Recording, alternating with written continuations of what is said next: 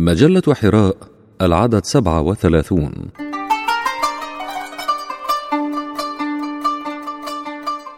السلطان عبد الحميد الثاني بقلم الأستاذ نور الدين صواش.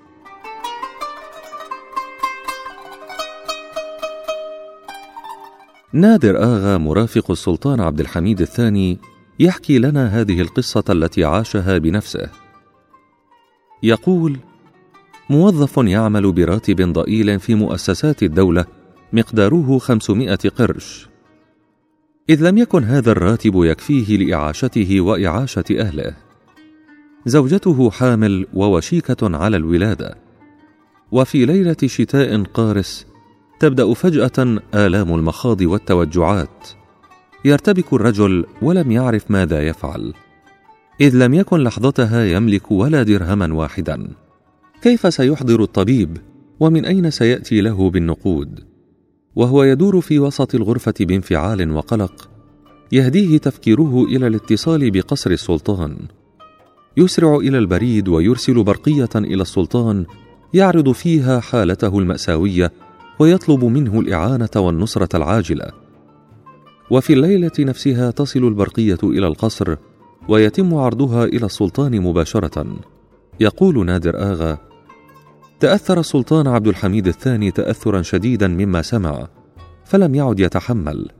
فشد الرسالة من يد القارئ وبدأ يمرر نظره عليها بحزن وغم. تغيرت ملامحه واصفر لونه من شدة الخطب. أطرق رأسه ثم قال وعيونه مغرورقة بالدموع. رباه أعني على مؤازرة هؤلاء المساكين ولا تجعلني من الرعاة الذين لا يبالون برعيتهم. ولا يهتمون بأمورهم. رباه رباه.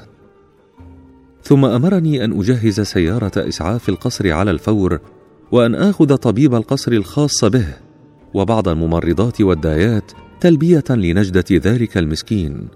وطلب مني أن أخبره بكل ما يحدث بالسرعه القصوى.